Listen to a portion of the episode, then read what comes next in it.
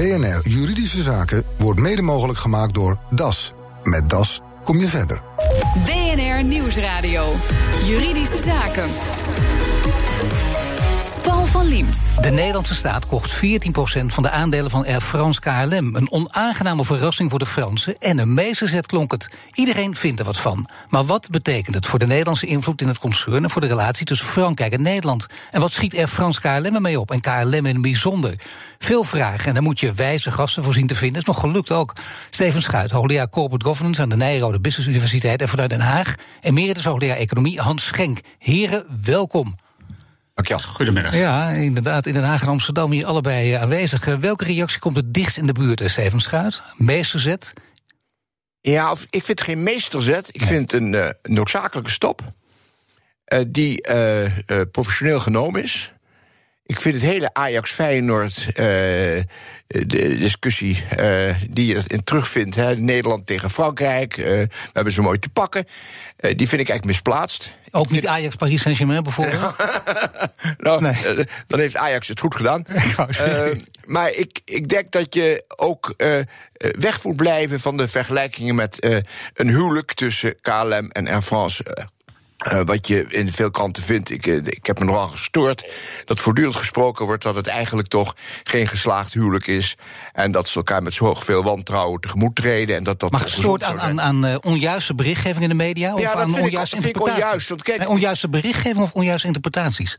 Dat is een onjuiste interpretatie van de relatie. Oh. Die relatie is natuurlijk geen huwelijk, ook niet een beetje. Die relatie is een zakelijke uh, uh, samenwerking. Uh, elk met zijn eigen uitgangspunten. En de KLM heeft hele andere randvoorwaarden dan Air France. Uh, we hebben een heel andere uh, belang bij Schiphol dan de Fransen bij Charles de Gaulle. En met name is in Nederland natuurlijk belangrijk dat wij het distributieland van Europa zijn. En dat vervoer, inclusief vanuit de luchthaven, net als vanuit de Rotterdamse haven, uh, essentieel is voor onze economie. Noodzakelijke zet, kun je dan zeggen? Ja, het was de stap die nodig was. Nadat bleek dat we eigenlijk onze invloed een beetje kwijt waren. Uh, en de Fransen uh, belangrijke beslissingen niet van tevoren met ons afstemden. Dat is eigenlijk wel storend. Ik ben wel benieuwd of Hans Schenk deze mening deelt. Meneer Schenk, bent u het ermee eens? Ja, het is misschien niet leuk voor de discussie, maar... Dat maakt niet uit. Dat maakt helemaal niet uit. Gooi je maar dood, collega Schuit. Ja. Uh, al is uh, zijn uh, afwijzing van het, de vergelijking met een huwelijk... die gaat denk ik wat, die gaat wat te snel door de bocht. Het heeft wel degelijk veel te maken met huwelijkse voorwaarden... en huwelijkse condities. maar, kijk, wat onlosmakelijk vaststaat... is dat Nederland aan invloed had weggegeven... bij de verkoop van Air France van KLM en Air France. En dat nu middels deze aankoop een beetje van die invloed weer is teruggewonnen. Niet meteen, alhoewel psychologisch wel meteen. Maar eh, in, in termen van, van reglementen en, en, en corporate governance zal het nog eventjes duren voordat die invloed, die gewonnen invloed, daadwerkelijk zichtbaar wordt. Wat zou dan zichtbaar worden uiteindelijk? Want dat is ook de bedoeling, hè, dat die invloed zichtbaar gaat worden. Maar hoe wordt die zichtbaar? Met andere woorden, wat zijn de echte gevolgen? Ja, die zichtbaarheid die komt vooral ten, uh, naar voren in de dagelijkse besluitvorming rond het uh, concern Air France KLM. Dat wil zeggen dat in de Raad van Bestuur en misschien nog meer in de Raad van Commissarissen van het concern ook de Nederlandse stem iets sterker zal moeten gaan klinken. En dat heb je niet meteen van elkaar. Je hebt nou wel een sterkere stem op de algemene vergadering van aandeelhouders. Maar dat is een orgaan dat nou niet iedere dag bij elkaar komt. Een Raad van Commissarissen trouwens ook niet, maar wel vaak dan een algemene vergadering van aandeelhouders. En daar moeten zaken worden gedaan. Weliswaar ingefluisterd door de aandeelhouders, maar het zijn de commissarissen die eh, toch veel dichter bij het vuur zitten ja. en de touwtjes sterker in handen hebben. En u ziet het niet, meneer Schenk, vanuit Den Haag. Maar hier, als het woord commissarissen valt, uiteraard, dan komt de grote commissaris te kennen van Nederland, Steven Schuit, die steekt zijn vinger op. Ja, ik, ik, leg, ik leg dus veel minder uh, de link met KLM, erf, met KLM dan Hans lijkt te doen. Uh, want uh, wat mij betreft is de aankoop voor de Nederlandse staat van die aandelen in belangrijke mate een, uh, een daad van bescherming van het belang wat wij als samenleving, Nederlandse samenleving, hebben in Schiphol. Uh, en niet inderdaad om nou specifiek te interveneren in de strategie van KLM. Wel als dat het belang van Schiphol raakt. En daarmee, en dat kan heel gemakkelijk, maar lang niet altijd. Er zijn veel onderwerpen, heel veel onderwerpen voor KLM waar uh, Schiphol niks mee te maken heeft. Noem maar eens tien. De, de, inkoop van kerosine, de vliegtuigonderdelen, de servicing. Uh, nee, okay. al die onderwerpen, die operationele ja. onderwerpen, uh, die kan je prima nemen uh, vanuit zuiver bedrijfsmatige overwegingen. En dat moeten ze ook vooral doen. Dan moeten de synergieën allemaal benutten. Maar het, naar mijn idee gaat het bij de Nederlandse staat erom dat we zeker stellen dat de ontwikkelingen bij KLM er niet toe leiden dat afbreuk wordt gedaan van de positie van Schiphol. Ja, is dat eigenlijk ja. niet een belangrijke nuance, meneer Schenk? Mm, ja, dat is een belangrijke nuance. Zij het dat wat met Schiphol gebeurt, natuurlijk uiteindelijk eh, bepaald wordt in de Raad van Bestuur en de Raad van Commissarissen van Air France KLM. Dus in die zin, ja, aan de ene kant ja, heeft gelijk. Ja. Steven, hij sprak mij net ook al met Hans, wij kennen elkaar inderdaad. Dus vandaar zal ik nu zeggen, Steven nou, eh, heeft gelijk in dat opzicht. Eh, maar dat neemt niet weg. Kijk, ik ben op dit moment zelf waarnemend president-commissaris bij een eh, bedrijf dat ook in Franse handen is. Welk bedrijf? En uiteindelijk, dat laat ik maar even in het midden. Nee, nee, nee gewoon uh, googelen. En uh, in nou. dat opzicht geldt gewoon dat stemmetjes tellen. De poppetjes tellen. Ja. En uiteindelijk ja. zal in de Raad van Commissarissen, ja. annex Raad van Bestuur, dat is in Frankrijk één orgaan, dat is iets anders dan wij hier in Nederland uh, gewoon zijn, zullen beslissingen worden genomen. En die hebben mogelijke negatieve effecten voor Schiphol. Nou, dat wordt nu inderdaad, zoals Steven terecht zegt, voorkomen. Of dat voorkomen. Het is een bijdrage aan het voorkomen van dergelijke negatieve beslissingen voor Schiphol. Ik kijk daar iets minder positief uh, tegenaan, Hans. Om reden dat ik weet dat naar Franse recht en traditie die Raad van Commissarissen aanzienlijk minder te vertellen heeft dan een Raad van Commissarissen in Nederland.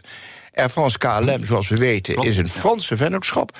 En in feite wordt in Frankrijk door de president-directeur-generaal, de PDG, ja. bepaald wat er gebeurt. En uh, de Raad van Commissarissen uh, moet dat steunen.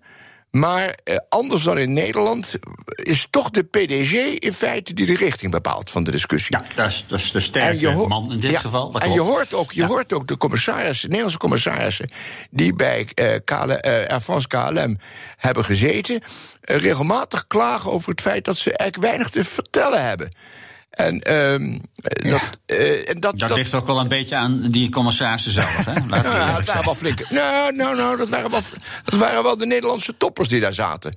Dus ik. Nou, dat zegt Ja, niks maar niet natuurlijk. allemaal top. Nee, ja, goed, dan kunnen we, eh, zo, maar zouden ze één voor één moeten langsgaan. Maar Nou, dat is ook natuurlijk, wel de leuk, PDG heeft in Frankrijk veel meer te vertellen dan Ja. een CEO. Dat heeft natuurlijk te maken met de Raad van Commissarissen, die in Nederland een toezichthoudend orgaan is. Niet alleen een adviesverlenend orgaan.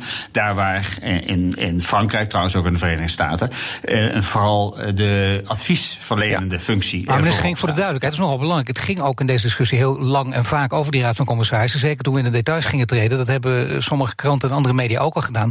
Maar het ging er nog niet zo over, over inderdaad die rol van die PDG. Dus dat betekent, eh, die Raad van Commissarissen, als ik het nou stevig zet, eh, staat niet buitenspel, maar in, in de praktijk wel.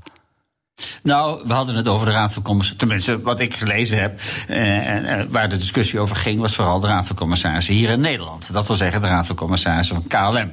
En daar zitten vijf Fransen in en vier Nederlanders. Ja, en in het internationale gewricht, eh, eh, gewricht van het zaak, zakenleven is het helaas zo dat vijf stemmen meer tellen dan vier. En dat betekent dat de Nederlanders altijd, als puntje bij paaltje zou komen, eh, naast het potje zouden piezen. En dat wordt nu een beetje rechtgezet, doordat op topniveau, dus boven KLM om, Ja. in de holding, eh, ook eh, Nederland een stem heeft verworven. En maar nogmaals, met alle respect, dat is echt een, een goede zet geweest. Ja. Ja. Ja, een goede zet. En ook de manier waarop het gegaan is, Steven Schuit, is dat ook, ook echt Ja, prijzenswaardig? dat is, dat is eh, eh, het- technisch volkomen juist. Eh, je, je kan eigenlijk niet anders dat pakket verwerven dan in, in, in stilte. Eh, maar ja, het kan met een stiekem bij missie gaan of gewoon keurig via de beurs. Wat ze gedaan hebben. Ja, wat ze gedaan hebben is eh, een pakket kopen zonder dat de, de, kans eh, liepen dat die koers erg ging, eh, ging naar boven ging lopen. Dat hebben ze professioneel gedaan. Daar, dat is, In de wetenschap dat ze daarna, althans voor de, voor de bühne, even op het matje zouden zijn geroepen tussen Ja. aanhalingstekens. ja, maar kijk, de Fransen, dat is een beetje kro- kro- krokodillentranen. De Ja. Fransen zijn zelf bedrijven actief industriepolitiek. de belangrijke beslissingen bij KLM en France. Air France KLM worden genomen op het Elysée door, door, door de president en zijn, zijn staf. Uh, dat, zo is het in Frankrijk. Uh, en als ze dus uh, Nederland het matje roepen, dan moet je daar niks van voorstellen. Het was ook zo snel over, want ze vielen elkaar vrolijk weer in de armen. Voor duidelijkheid, het gaat nu over. ja, nee, dat is inderdaad duidelijk, mogen we inderdaad ook op lachen. Ja. Maar het gaat over Air France KLM. in, een, in een ver verleden, niet eens zo gek ver verleden. Zeker niet als ik met een man van statuur praat. Ja, zeker, Steven Schuit. Die weet nog wel iets uit 1991, of niet? toen ging het over, over KLM, maar met een hele andere partner. Ja, maar dat hebben we toen. KLM heeft eerst met British Airways uh, gevreden, als ik het zo mag noemen. Ja. Ik vind die vergelijking met een huwelijk heel ongelukkig, want daar komt bij elk nee, huwelijk. veronderstel je toch dat er ook sprake is van liefde. Nou, ja. liefde heb ik nooit zien bedrijven met, uh, met British Airways of nee. met KLM. Maar ik kan wel zeggen dat we in een heel vergevorderd stadium van onderhandelingen waren. Toen was Pieter Bouw nog de, de CEO. Uh, en uh, toen zijn we vergaand stadium van onderhandeling geweest. En uh, het is op het laatste moment eigenlijk afgeblazen, omdat de, de, commissaris van de Staat niet meer mee wilde. eigenlijk omdat men vond dat British Airways een te machtige positie had in de relatie met KLM. Als je nou achteraf terugkijkt, dan is het altijd lastig om die, die twee uh, partijen, uh, British Airways en Air France, met elkaar te vergelijken. Maar? maar het is wel zo dat wij met de Engelsen een iets makkelijker culturele understanding hebben dan met de Fransen. Hebben of hadden? Mm. nog steeds hebben. Ik denk dat, het, dat wij. Uh, je weet, ik ben lange tijd deel geweest van een uh, Engels advocatenkantoor, Allen Overy. En uh, ik heb dus wel grote ervaring met zowel Amerikanen. Ik heb tien jaar in New York gewerkt. En met de Engelsen, mijn kantoor. met die Anglo-Saxen praten wij als Nederlanders makkelijker. We begrijpen elkaar makkelijker. Uh, ietsje, ja, een ietsje. Kijk, want bij Hoogovens British Steel is het natuurlijk ook niet allemaal van een leien dakje. Nee, nee. laten we deze culturele discussie even terzijde. We gaan zo meteen verder. En straks over de vraag: voor de Nederlandse invloed lijkt de aankoop van een staatsbelang nuttig, maar is het ook volgens de regels van goed bestuur? BNR Nieuwsradio. BNR Juridische Zaken. Een begrip dat je nu ook veel hoort, nu Nederland een flink belang in Air France KLM heeft vermachtigd, is oranje gevoel. Hans Schenk, emeritus hoogleraar Economie, en Steven Schuit, hoogleraar Corporate Governance. Ja, hoe is het met jullie oranje gevoel gesteld, Steven Schuit? Ja, ik heb, ik heb er eh, krachtig tegen verzet. Ja. Toen ik dat las in de krant uh, en iedereen hoorde op de radio, uh, toen uh, viel ik om van verbazing dat dat zo sterk speelt. uh, maar KLM blijkt uh, een, een, een, trofee te zijn van de Nederlanders. Ja. Wij voelen ons uh, allemaal een beetje blauw in plaats van oranje. We voelen allemaal een beetje blauw. Het, het, vervult ons van trots dat KLM het goed doet. En dan nog wel beter dan de Fransen. Lekker pu. maar ja, dat gevoel heb ik helemaal niet. Ik vind eerlijk gezegd heel fijn dat KLM met Air France is samengegaan omdat ze met elkaar een veel steviger marktpositie kunnen verwerven in Europa dan uh, elk afzonderlijk. Maar uh, ik heb helemaal niet dat gevoel van uh, lekker pu. Ik ben benieuwd hoe het met Hans Schenk zit. Want die moest ook een beetje lachen bij het woord oranje gevoel. En, en Steven Schuit die bijna omviel.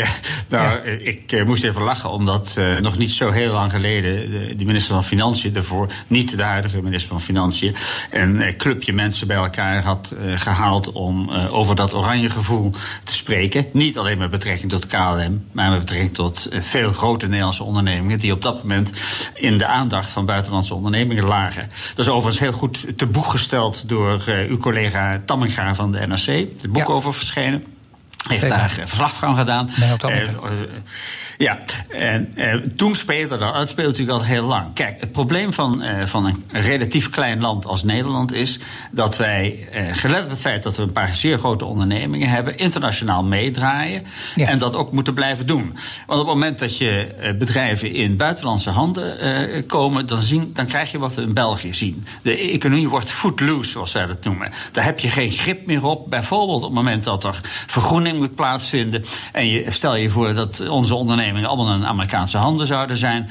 dan uh, kun je ernaar fluiten.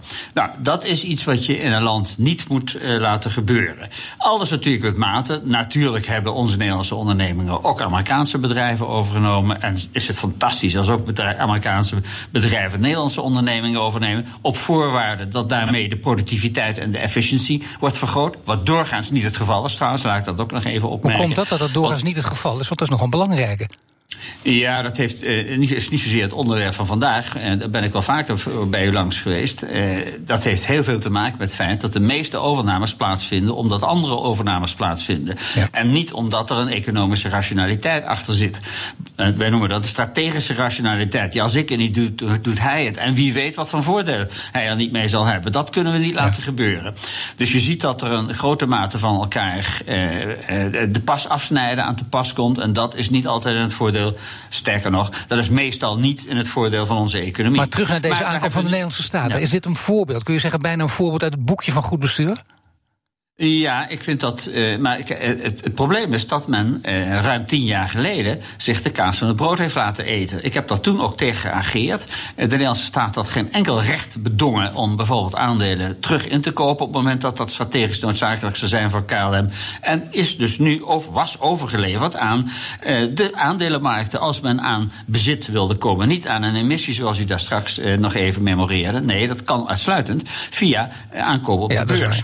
Nou, dat is nu gebeurd. En, eh, maar dat had niet hoeven gebeuren als wij 10, 15 jaar, 13 jaar geleden, om precies te zijn, een ander pak hadden aangetrokken. Een pak dat veel minder de kleur van marktwerking zou hebben gehad. In de zin van: hier hebt u ons bedrijf, doe er iets goeds mee. Dan zal Schiphol dat ook wel overleven. Maar dat we daarin gewoon wat nuchterder en zakelijker eh, eh, aan de gang waren geweest. En dan hadden we nu ook niet het probleem gehad dat we nu hebben gehad. Hadden we toen nuchter en zakelijk, zakelijk aan de gang moeten zijn? Daar had u volgens mij er ook mee te maken in die tijd, meneer of niet? Ja, zeker bureau Ellen Overy? Ja, ik, kijk, we, zijn, uh, hebben de privatiseringsgolf achter ons. Maar we hebben, ja. zeggen 27 jaar lang, uh, in Nederland geroepen dat uh, de marktwerking zijn ruimte moest krijgen. en dat de Nederlandse overheidsbedrijven, inclusief KPN, gewoon geprivatiseerd moesten worden. En helemaal moesten worden blootgesteld aan de vrije werking van de markt. De tucht van de markt werd geroepen. En vooral Gerrit Zalm was daar een groot voorstander van. En Gerrit Zalm was ook degene die graag wilde dat Schiphol werd geprivatiseerd. Uh, ik heb daar zelf nog uh, een, uh, een, discussie met hem over mogen voeren. Uh, maar dat, ik moet er meteen bij zeggen dat ik me daar altijd over verbaasd heb. Want uh, je moet niet Schiphol privatiseren. En datzelfde geldt voor de Rotterdamse haven. Al ben ik best een groot voorstander ervan om bepaalde type bedrijven naar de, markt, naar de beurs te brengen.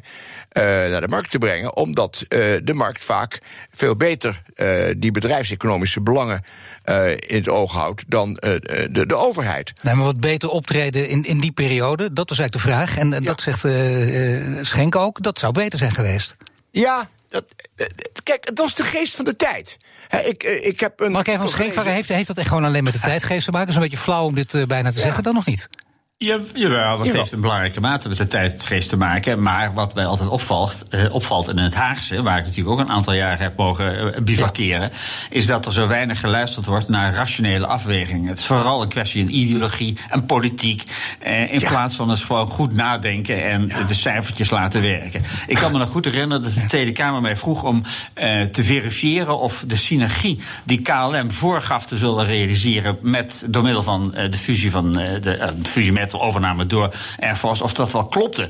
Ik zeg, nou, dan wil ik wel eens even gaan, gaan zitten rekenen. Wie schetst mijn verbazing, al inmiddels niet meer verbazing, want het is bijna altijd zo, dat nog KLM, nog Air France, nog uh, de combinatie in staat was om ook maar op te hoesten om hoeveel centjes het daadwerkelijk ging. Dus het ging helemaal niet om die synergie, het ging om een politieke zet. Nou ja, en op dat moment gaat de Tweede Kamer mee, want er is verder weinig meer aan te doen. Iedereen vindt het. Maar men luistert, denk ik, onvoldoende naar uh, rationele analyses zoals collega Steven Schuit die eh, kan geven. En zoals ik die af en toe ook eh, durf. Kijk eens even, de heer uh, afficheert zichzelf als beter dan de politiek. Nu we het toch over de politiek hebben, even tot slot, meneer Schuit, want dat is wel een leuke natuurlijk.